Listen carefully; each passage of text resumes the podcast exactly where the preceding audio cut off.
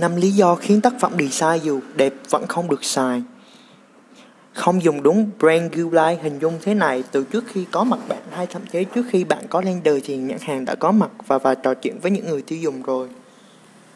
Giống như ba bạn đã trò chuyện với má bạn từ rất lâu trước khi có bạn, nay thay vì trò chuyện với ba má chuyện qua xài Facebook Messenger, nhờ bạn thiết kế một cái hình meme meme đúng chắc ba má, nghĩa là sản phẩm của bạn là ấn phẩm trong dòng trò chuyện của nhãn hàng với người dùng, nên nó phải đồng thời đồng nhất với những ấn phẩm truyền thông khác để đảm bảo sự đồng nhất này các nhãn hàng. Không thể hiện được tinh thần và cá tính nhãn hàng thường ấn phẩm bạn sẽ nằm trong một tổng thể truyền thống được chi phối gắn kết bởi những thứ gọi là big idea nhưng nhiều hãng hàng có thể cùng, có cùng điều muốn nói. Vậy là thứ làm cho chiến dịch tuyên truyền trong khác nhau chính là mood tone